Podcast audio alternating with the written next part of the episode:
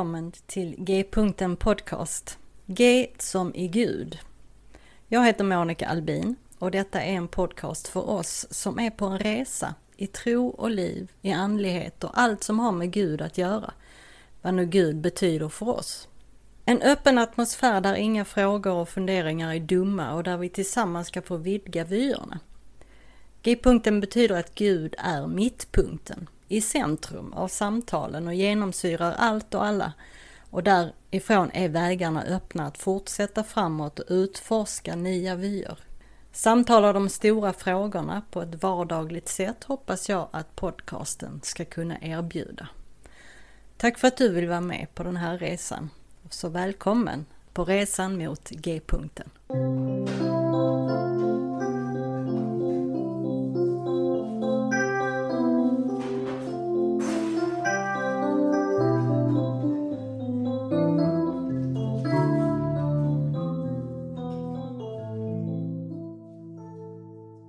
Hej och välkommen tillbaka till G-punkten Podcast.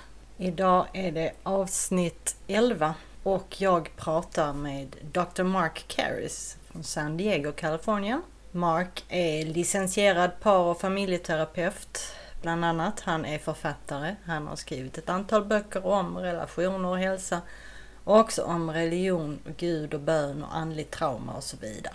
Mark berättar om sig själv, sin uppväxt och familjesituation och hur hans liv har formats av olika händelser under livet, olika händelser och miljöer. Och vi samtalar också om några av hans böcker, speciellt Divine Echoes, som handlar om bön och förbön och hur det funkar. Eller inte. Det var i alla fall ett mycket trevligt samtal och jag hoppas att du tycker detsamma. Jag länkar till hans hemsida i avsnittsbeskrivningen. Och gilla och dela gärna avsnittet på dina sociala medier till dina vänner och följ podcastens Facebook-sida och blogg. Där du också kan skriva dina funderingar och kommentarer. Så nu pratar inte jag mer, utan här kommer mitt samtal med Mark. Welcome to G-punkten podcast to Dr. Mark Harris. Hello, great to be here, Monica. I'm so glad you uh, accepted my invitation. Yeah. Is this your first Swedish podcast? Absolutely, yes. okay. Yes, very excited. Yeah. Yeah. Have you been uh, to Sweden? I have not. I have not, but it's um, always in the back of my mind as a very uh, fascinating, interesting place to to visit. Yes. Yeah. Well, many Americans have uh, Swedish uh, ancestry, so uh, many of Ah. them uh, come over here for that. But uh, I guess Very nice. Mhm. Yeah, I, I don't have any Swedish, uh, yeah, ancestry. No. Well, I'm not sure that many of my listeners know who you are. So could you just uh, Okay. just briefly introduce yourself first, just your name, where you live, and uh, a little about your family, and then we'll talk about your story later on. Sounds great. Yeah, I'm uh, Mark Karris. I live in San Diego, California, and I'm in private practice as a licensed marriage and family therapist. So I specialize in uh, couples therapy and religious and spiritual issues, and uh, and I would say men's issues too, and then see individuals, couples, and families throughout the spectrum of uh, you know concerns. Mhm. Um, yeah, been married for gosh, been with my my, my wife 15 years, Mhm. and um, we have a six-year-old son, and he uh, brings so much love and, and joy to our lives. So, Yeah. and then other than that, just um, researching for the the next book, which will be on couple relationships. All right. Pretty much keeping me busy right now. I'll bet. Mhm. Okay, well, I've uh, I've listened to some uh, interviews with you on different podcasts, and then I bought uh, your book Divine Echoes, Ah, and mhm. it helped me a lot, uh, Hmm, and uh, very cool. also got me to look up Tom Oord, uh, Ah, who has been on the my podcast twice already. So wonderful. Yeah, he's amazing. Yeah, Mhm. yeah, yeah.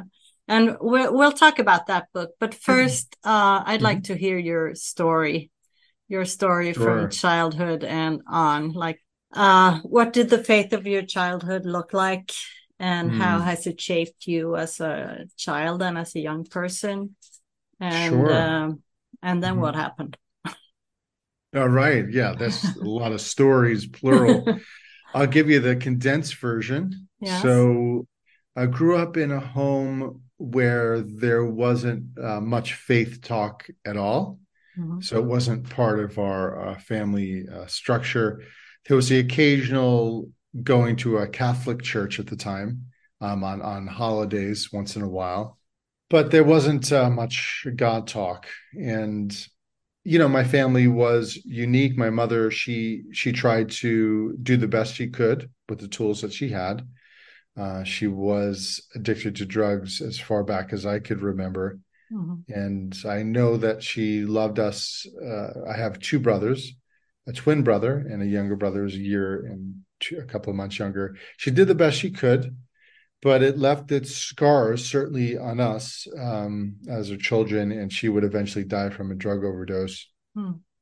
And then grew up in, you know, so wild. We we do in our field what we call a genogram, which is kind of tracing back uh, mm-hmm. family history yeah, and looking yeah. at patterns across the ages uh, as far back as we can get information from. And so my great grandmother died in a mental hospital, and her sister uh, was mentally ill, oh, and my wow. father uh, has a mental illness. And uh, a couple of his brothers have a mental illness, and my younger brother has paranoid schizophrenia and he uh, is imprisoned for for murder uh, for the rest of his life. So it's a very wild, uh, chaotic, but th- that's sort of the milieu, the atmosphere, the environment that I grew up in. Mm-hmm. And that shaped me profoundly. I, I, was the, even though I'm a twin, I'm older by two and a half minutes. I took on sort of the older brother role and uh, always felt responsible for them and protective. But, um, you know, then I grew up pretty, I would say, pretty hurting as as a young boy. Uh, I used to cut and um, very depressed, uh, suicidal at times, and it really culminated until I, when I was young. You know, long story short, my my twin brother became a Christian a couple of years before me, and what really I think saved me at that time was playing music and picking up the guitar and starting to be pretty good at it and then uh, being in a band and opening up for national acts. And i think that gave me some sense of life. At the same time i, I was it got to the point where i wanted to end my life. Mm-hmm. and um, i did some things that were trying you know trying to end my life. That's another mm-hmm. that's a x-rated experience. But um yeah all culminating to a point of me ultimately being in a field all my by myself mm-hmm. and remember just crying out, God, if you're real, show yourself to me. And mm-hmm. that was really a uh, sort of a Damascus of the road experience. And I remember saying that I was sick and tired of being sick and tired. Right. And I was enveloped by a love that changed the rest of my life. Mm-hmm. Um, and as one who now I deconstruct everything, yeah.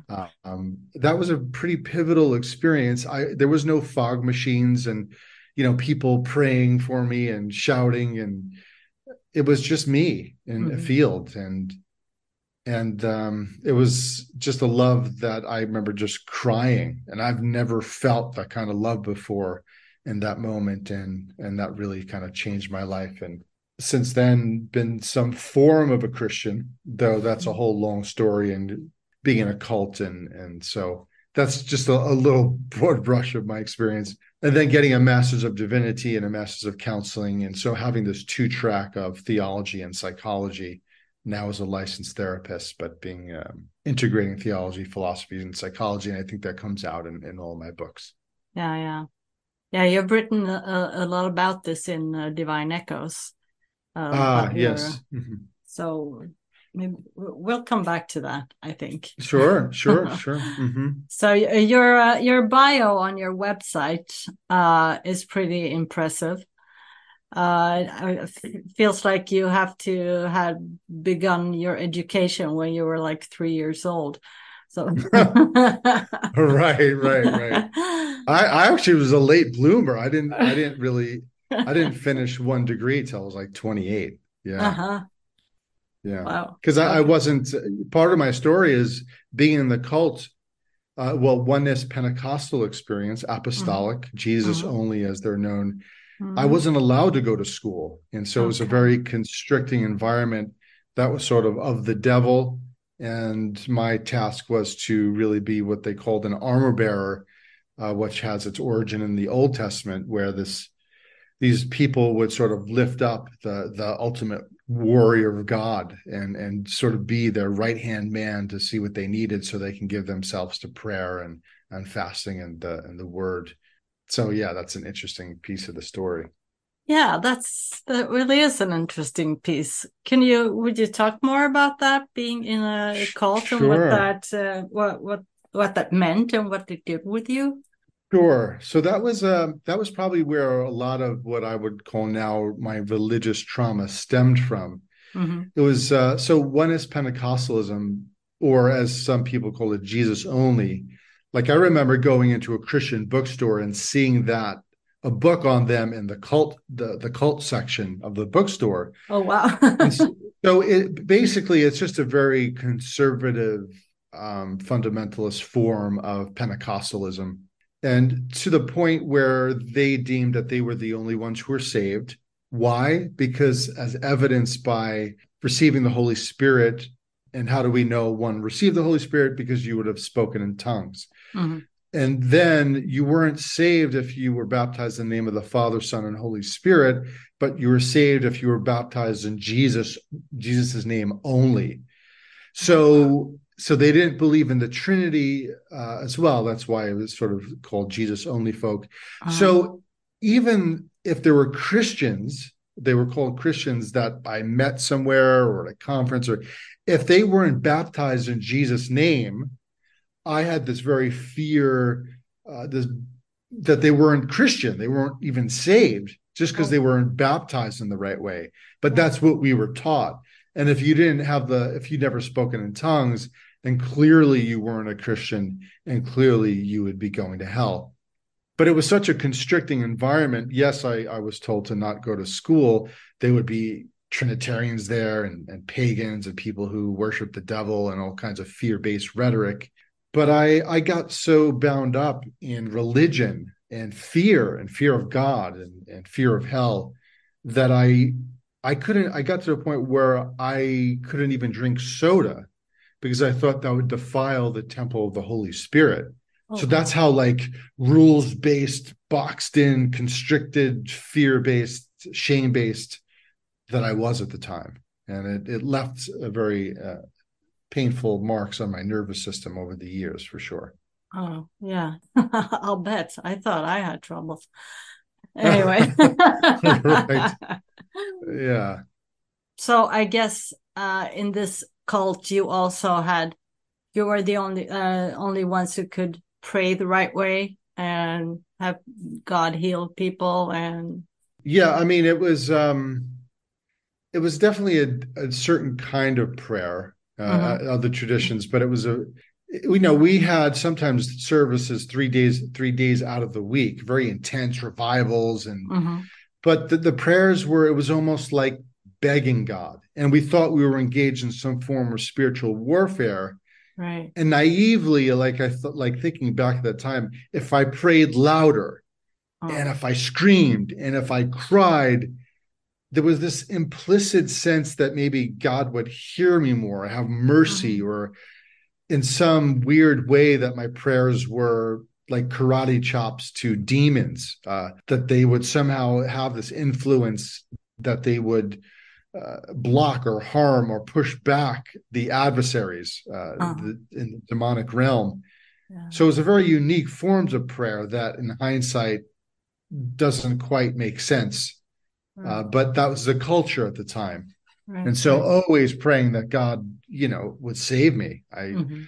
it's this very worm based, shame based, sinfulness themed um, way of being as a Christian. Mhm. Uh, yeah, it was very unfortunate, toxic, tragic, and traumatic. So so what happened with the uh, later? How did you get to leave this uh this toxic environment? Yeah. So that was the, so I got saved sort of in that church. Mm-hmm. And how I left was even though the pastor didn't want me to go to school, Mm. and at the time, there was no one on either sides of my family that ever went to college. I have this profound hunger to learn and I always felt like something doesn't feel right.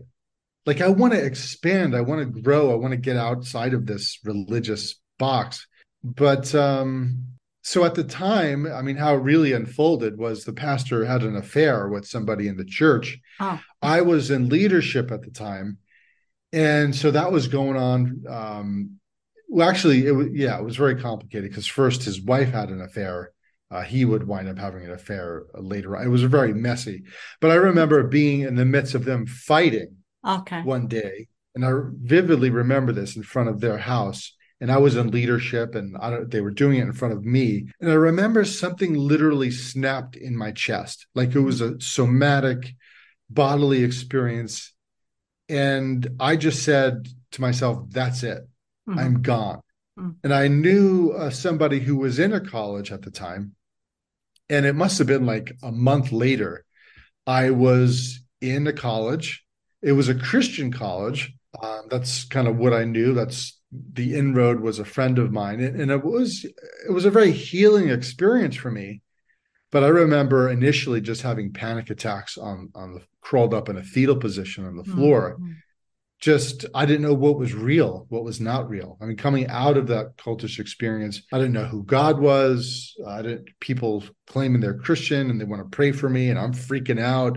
You know, maybe they're, you know, it's like satanic. It, it was a Mhm. very confusing, disorienting experience, but would be a very healing experience for me uh, Mm. for many reasons. Yeah. Did you at, at any time think that, uh, well, screw this God, I'll be an atheist?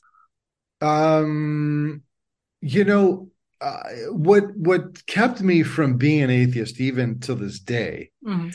is profound transformative experiences that I, I can't fully deconstruct. So I, I I sort of take Peter Rollins uh, sort of word. He has a word that he, you know, eh, so, so like someone recently asked me, Mark, are you an atheist? Uh-huh. I said I'm a a slash theist, Yeah, yeah, yeah. you know, disbelieving in the God that I affirm, Mhm. knowing that the God that I conceptualize in my small mind cannot uh, correlate uh, in its fullness and entirety, and maybe very minimally to a God that exists uh, within and throughout.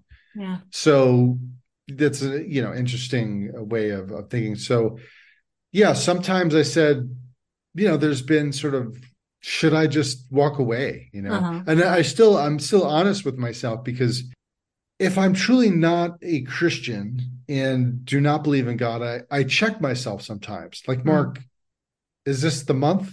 Is this are you you still believe or you so I really ask myself because I I know it's weird, but I I I want to honor Christians in a sense too, because some people have died as martyrs for the Christian faith. Right. And I if I'm not a Christian, I want to own it Mhm. and you know not take away from who I perceive as really honest, sincere Christians giving themselves and their lives to uh, who they perceive as God and Christ. And Right.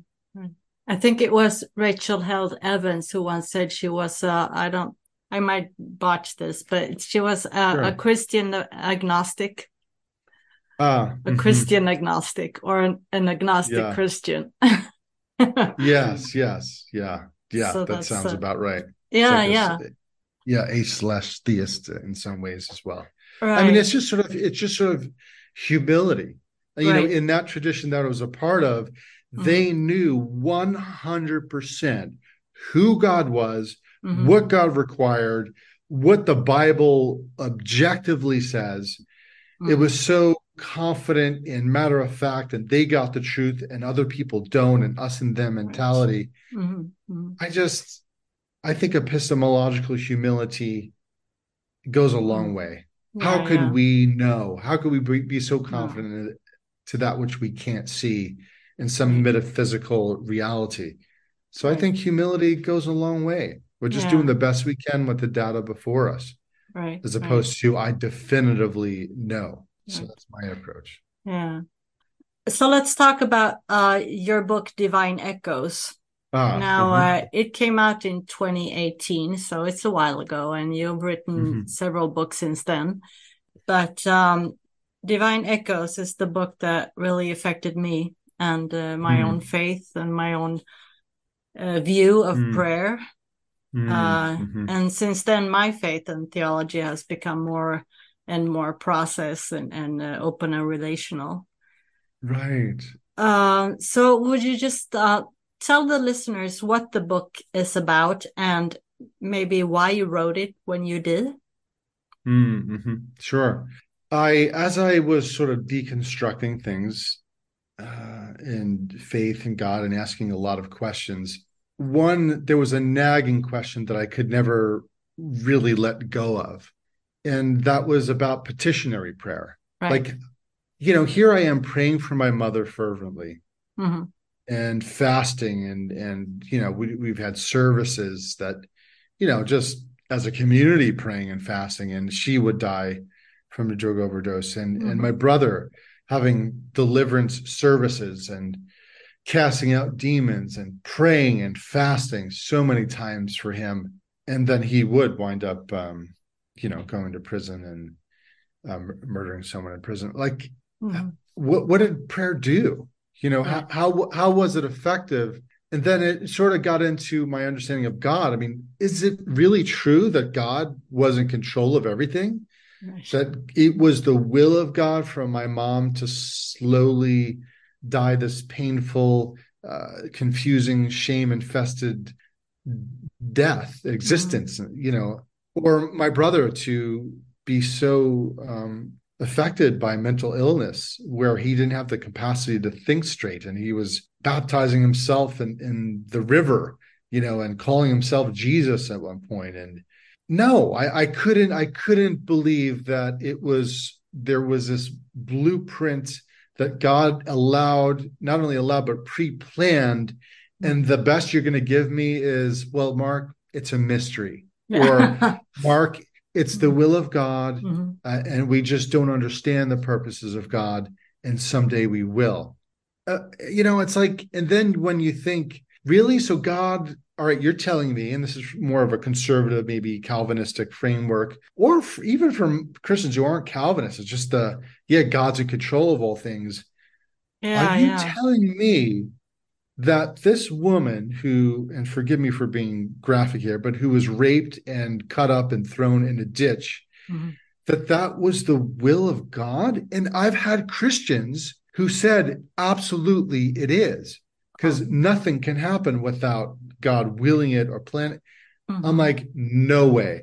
And so that started this very, um, yeah, this passion, this like asking so many questions about prayer. Like, what are the mechanics behind it? Like, what happens after the words leave our lips and we speak them silently? Does mm-hmm. God instantly hear them? Or they do they move through the traffic of heaven where angels and demons are engaged in an epic, bat, epic battle? That's where uh, the book of Daniel comes right. in and like his prayers were thwarted. And mm-hmm. like some have suggested prayer releases and activates God's power. Like, what does that even mean? Is a prayer like magical incantations? Mm-hmm. Uh, like, what a person prays for God to heal their ill mom? Does that give God extra power, energy, or motivation to do something? Like, is God busy uh, t- doing something else, or prayers they remind God to be loving and heal? Mm-hmm. Like, so many different questions. Mm-hmm. You know, petitioning prayer is so effective. Why is there so much evil that still right. occurs in the world? And like something s- small, like, you know, is more prayer better? Like, what's right. up with prayer chains? you know, like if we get more people to pray then God will be like, well, you know, there were 330 people that prayed, but you know, I'm looking for 335. Right. And if I don't have that number, I, I can't act here. Mm-hmm. So it just led me down this road to really question, sort of uh, investigate, deconstruct, and then reconstruct petitionary prayer and right. divine echoes. So what did you find out? Um, I found out that, yeah, I found out that, uh, you know, I make a provocative claim. Yeah. And that is, I do believe in some ways, while and, and people misunderstand my uh, emphasis, I think prayer can be beautiful. I think Mhm. it can unite communities. It could spur um, motivation to want to address the the ills of humanity. Mhm. I also think that it actually, and this is where it's a little provocative, in that it can contribute uh, to evil and, and suffering in the world. Mhm. Okay.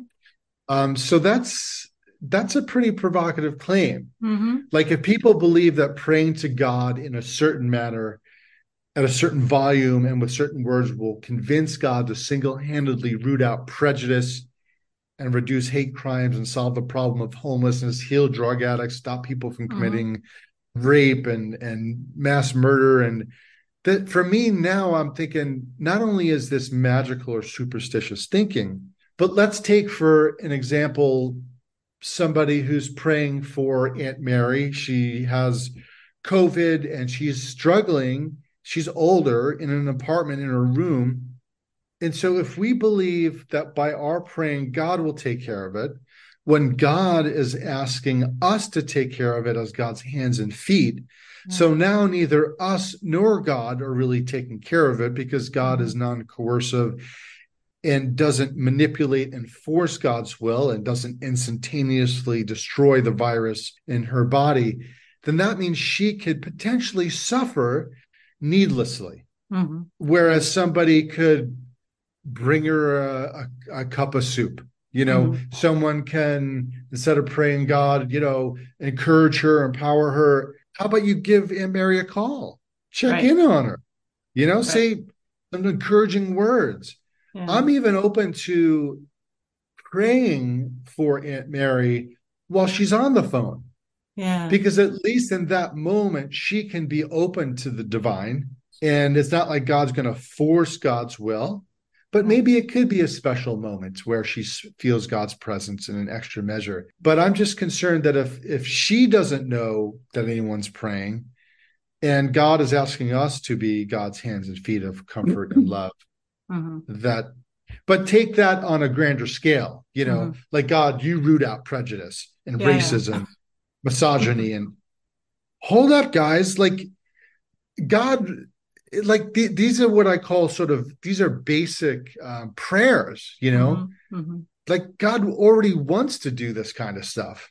God we have to beg god to you know heal and root out racism and prejudice and ableism and ageism and no god wants to do that. It's not Mhm. god who's saying oh i you know i'm just holding back here no it's us Right. who have the freedom to Yeah. choose whether or not to heal whether or not to give in to those tendencies so that's a little bit of where i uh, have uh, come with sort of prayer Right. and then i also you know I, I have what i call conspiring prayer and we can get into that Exactly. That's what I was. That's my next question. so yeah, go for it.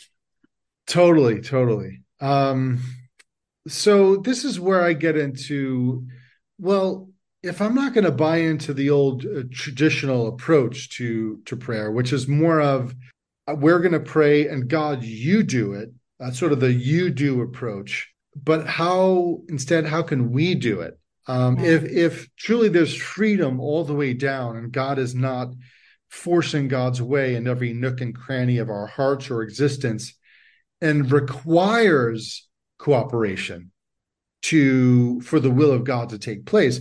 And by the way, this is not an unbiblical concept. Like even the the verse that talks about Romans, the fact that we can grieve the Holy Spirit suggests that we can do things that God doesn't want to do, thereby God can be grieved.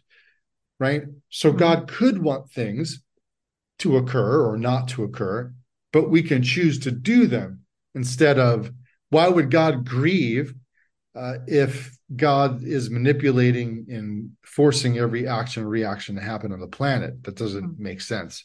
Mhm.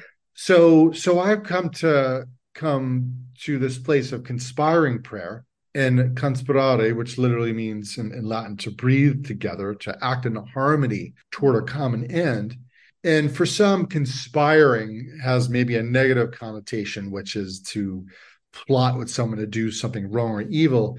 But conspiring prayer is a form of prayer, I say, where we create space in our busy lives to align our hearts with God's heart, where our spirit and God's spirit breathe harmoniously together, mm-hmm. and where we plot together to subversively overcome evil with acts of love and goodness. So it gets into a cooperative element here. Mm-hmm. Um, so I no longer personally believe in, you know, magical thinking and, and magical kind of prayers or rubbing the the lamp.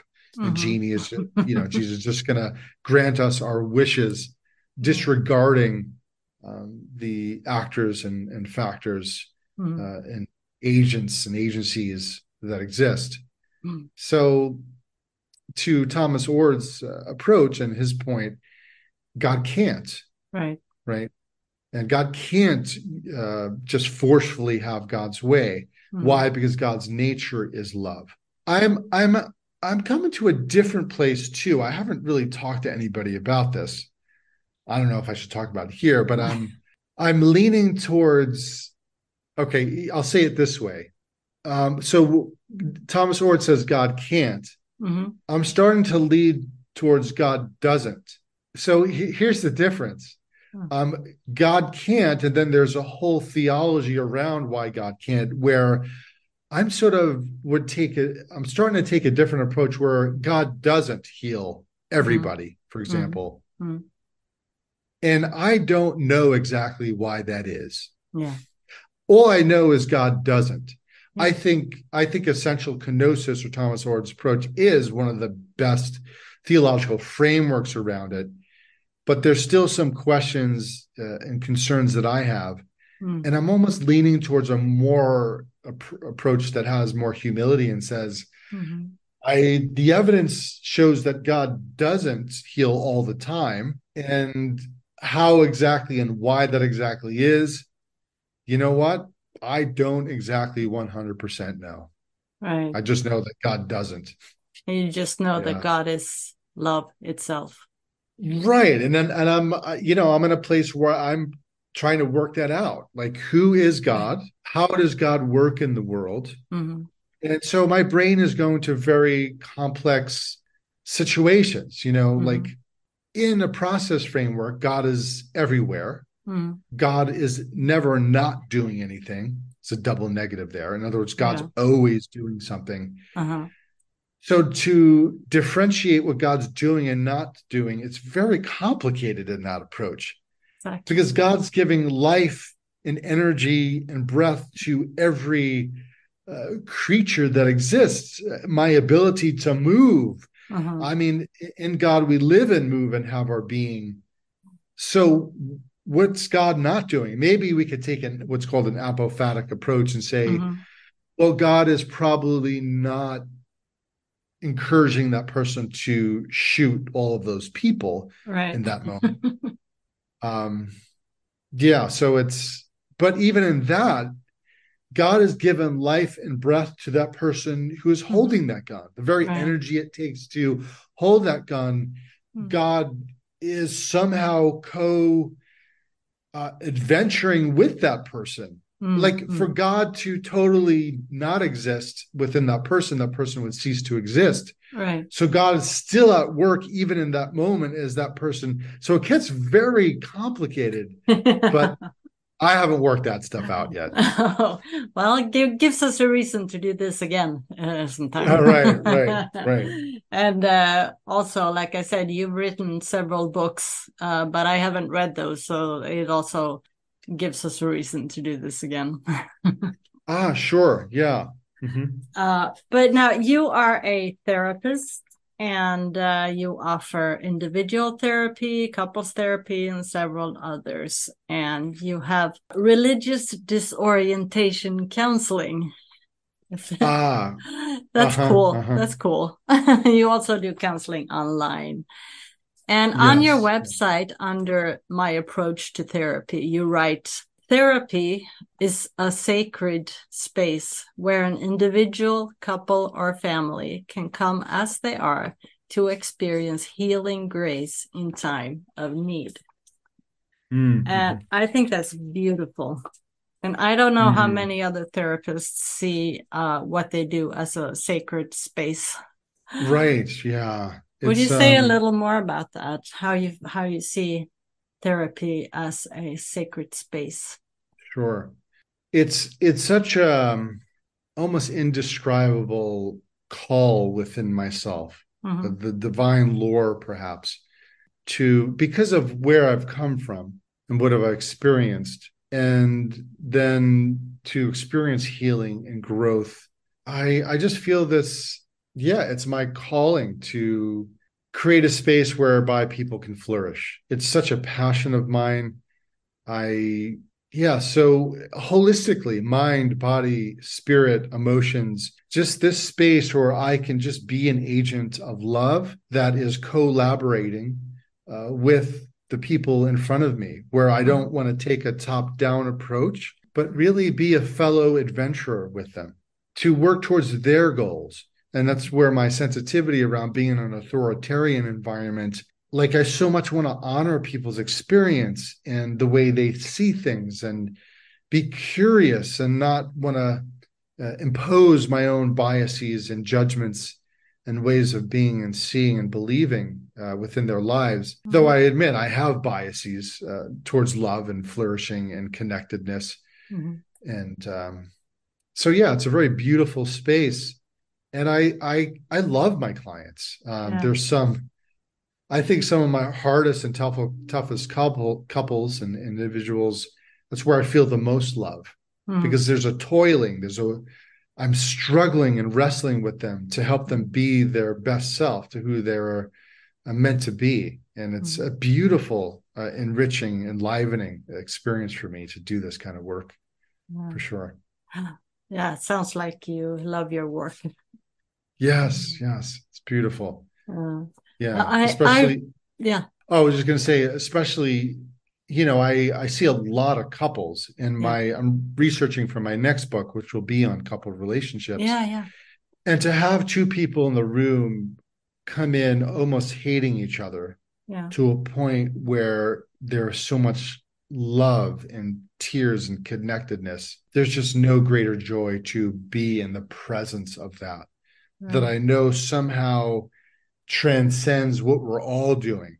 Mm-hmm. Um, you know, there's something else that is inviting us in almost celebrating uh, mm-hmm. with this new sense of of connectedness, and it's beautiful to to feel that in the room. Yeah, that really sounds like a sacred space. Yes, yes. Now, I read the book uh, Deconstructing Hell uh, in which oh, okay. uh, you wrote a chapter. And uh, okay. mm-hmm. in your chapter there, you talk about the psych- psychological trauma of hell indoctrination. Mm-hmm. Do you get a lot of that in your religious disorientation counseling? Ah, uh, yes. So yeah. I um I differentiate, and probably it's you know some people, some therapists and psychologists may disagree but I differentiate between what I call religious um, disorientation growth syndrome. Mm-hmm. Uh, and syndrome is out of vogue now, and I understand. But I was just trying to name some symptoms that I was seeing with those who were deconstructing their faith.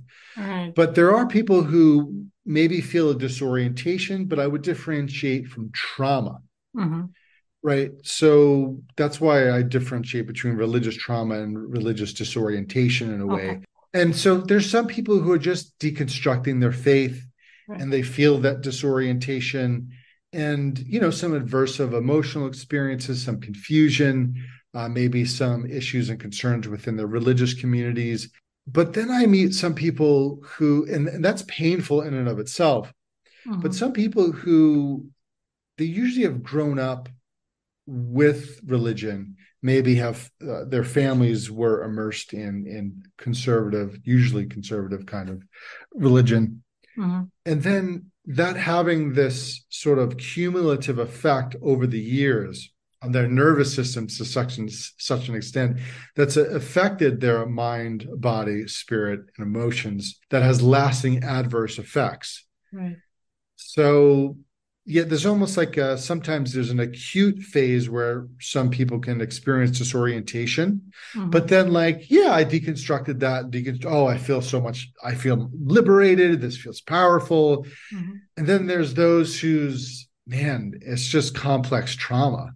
Yeah. It just has it just has such an effect that they could be in therapy sometimes for years, right. still working through the trauma and how mm-hmm. it's affected their nervous system because the the fear of hell is, has really uh, affected a lot of people. right, and it's yeah. and it, it, there's a pie chart of what can contribute to religious trauma. Mm-hmm. Certainly, hell indoctrination could be one. It's a big mm-hmm. one, and then there could be like purity culture. Oh yeah, uh, and there could be um, you know, being submissive to their husband in the context of abusive relationship, and their mm-hmm. pastor somehow encouraging that and not empowering but disempowering the woman, and, and that experiencing trauma. Then you can go to full on sexual abuse uh, mm-hmm. by uh, pastors, and so there's all kinds of different forms uh, of uh, where where trauma can emerge from. Right.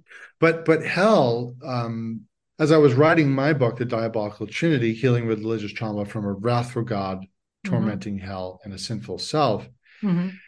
I realized, like, at some point, I was just writing about hell. Then I was like, no, I this is an interrelated doctrine. Mm-hmm. There's no hell with eternal conscious torment without an, you know, wrathful, punitive God that created it.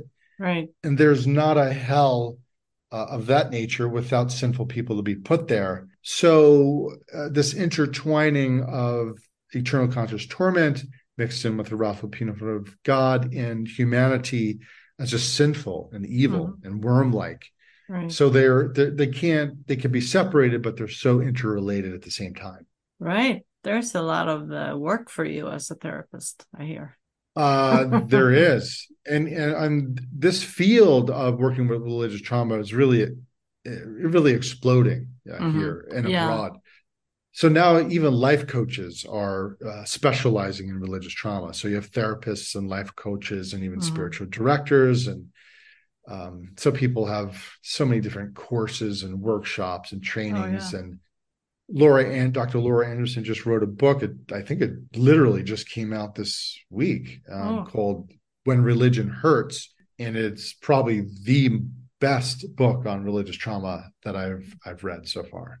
Yeah, when when you need a book that's called "Deconstructing Hell," you know you you know you're in you're in deep. Yeah, you're right. Exactly. I mean you know it's it's weird because some people you know some people's theological treasure is another person's theological trash right. some people re- relish in the idea of god being so just that he would create hell and mm-hmm. yeah but you know it makes sense god's holy and you know mm-hmm. people that's the consequence but other people it's you know it it's uh i mean think about it an an omnipotent kind of God mm-hmm. who can snap a finger and punish us in this life if God mm-hmm. wants to because of our sin that in our core that God despises us so much that God would re- really throw us into the fires like a mm-hmm. a rag doll that's just worthless but yet we're told that God loves us and this is right. where cognitive dissonance comes in that God can only love us truly and see any good within us if God looks through the prism of Christ. Yeah. But without that prism, I mean, we're just despicable pieces of nothing to be thrown into the fire for eternity. Right. There's something really toxic about that kind of theology. Right. And so no wonder why people would like myself would be so fearful. Mm. I don't want to spend eternity, not a hundred thousand years, not 300,000, 3 trillion, three. I mean, we're talking about eternity mm-hmm, mm-hmm. Tormented, mm-hmm. and some actually say tortured because it would be a form of torture to be there that long. That's a hellish, uh, despicable, disgusting kind of theology that sadly some people have taken their lives because of remember the interrelationship of these Mm. doctrines where let's take uh, members of the lgbtq community Right. like god despises me so much my family despises me they're my christian community now that i'm out uh is de- condemning me to hell I might, as, I might as well just end it this is so painful and Mm. people have Right. yeah Yeah, there's always something that the church can scare people with. Mhm. If it's not hell, it's uh, the rapture or there's something else weird stuff. yes indeed Mhm.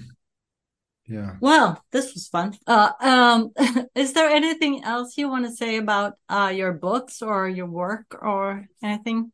Well, yeah. I mean, it's just uh, just have a real passion for people. It's sort of I could see this emerging trend in my books hmm of just helping what I in my other books called religious refugees. Right. You know, helping those who feel disillusioned, disoriented, uh, traumatized uh, because of religion. Mhm. Just helping deconstruct. And uh, my aim is not to just deconstruct for the sake of deconstructing or destroying in some sense. But in all of my books, I'm all about reconstructing. And Right. so even in my latest book on on healing from the religious trauma of hell indoctrination, there's over 120 pages in part three of helping people heal from this. Right. Or in Divine Echoes, you know, there's whole Yeah. chapters on what it looks like to pray in a way that doesn't make God look like a you know a jerk, Right. uh, and that makes more sense given our experience. Mhm. And so, you know, reconstructing uh, petitionary prayer in that way, and uh, you know, it's just it makes sense if if some of your listeners have been affected by this. You're not crazy. Uh, it makes sense, Right. and there's all kinds of people and resources out there to help you on the healing journey. Yeah. And uh, my books can be found wherever books are sold. The yeah, audio I will. Um, I will put a link in the show notes to your website. Yeah, yeah, but so appreciate uh, you, Monica, and the work that you're doing, and, and you. having me on as well. Sure. Yeah. I have one last question that I ask all, all my guests. Wonderful. It's where do you find pleasure and well-being right now? Hmm. Where do I find pleasure and well-being? I this is such an important question because, as many uh, uh, listeners would know, in our time, there's a lot of trauma. There's a, I mean, war and Mm. brutality and horrific images just everywhere I look on social media. It is, and I normalize this for my clients. Like, Mark, I'm feeling this anxiety because I'm like, yeah, I do too hmm like this it really is a, a scary yet beautiful time to live in to be agents of change and hope and love but what gives me um, pleasure in how i try to calm my nervous system whether it's meditation uh, whether it's playing with my six-year-old or Mhm. feeling connected with my wife um, i find a lot of pleasure i've been writing more music lately so Mm. a singer songwriter. Um, yeah, so it's a, gives me enormous pleasure. And then researching for the next book, which is it uh, has nothing to do explicitly with God Mm. um, and trauma. So it feels a little lighter for me as I'm embarking on this uh, new journey to help couples experience more connectedness in this next book. So there's a few things that come to mind. Yeah, good. Yeah. Well, thank you again for you. wanting to come on my podcast, and I would love to have you back sometime. Awesome. Sounds and great. um, let me know if you're ever coming to Sweden. Ooh, nice. Thank you, look, Monica. Look me up. Awesome, awesome. Thank you so much for this time, Monica. Sure, and keep up the good work. Okay, thank you. You too. Bye. Jag hoppas att du tyckte det var ett bra avsnitt och att du kanske blir sugen att köpa någon av Marks böcker. Idag avslutar jag med en bön. Gud, du som omsluter allt skapat med kärlek, som visar oss vägen i Jesus Kristus och sänder din ande för att leda din kyrka. Öppna våra sinnen så att vi känner igen dig Jesus. I världen, i varandra och i våra egna liv. Ge oss mod att följa dit du går och tro på dina möjligheter. Du ger oss kraft längs vägen, glädje som aldrig tar slut och ett hopp som består. Amen. Då hörs vi snart igen. Ha det bra så länge. Hej då!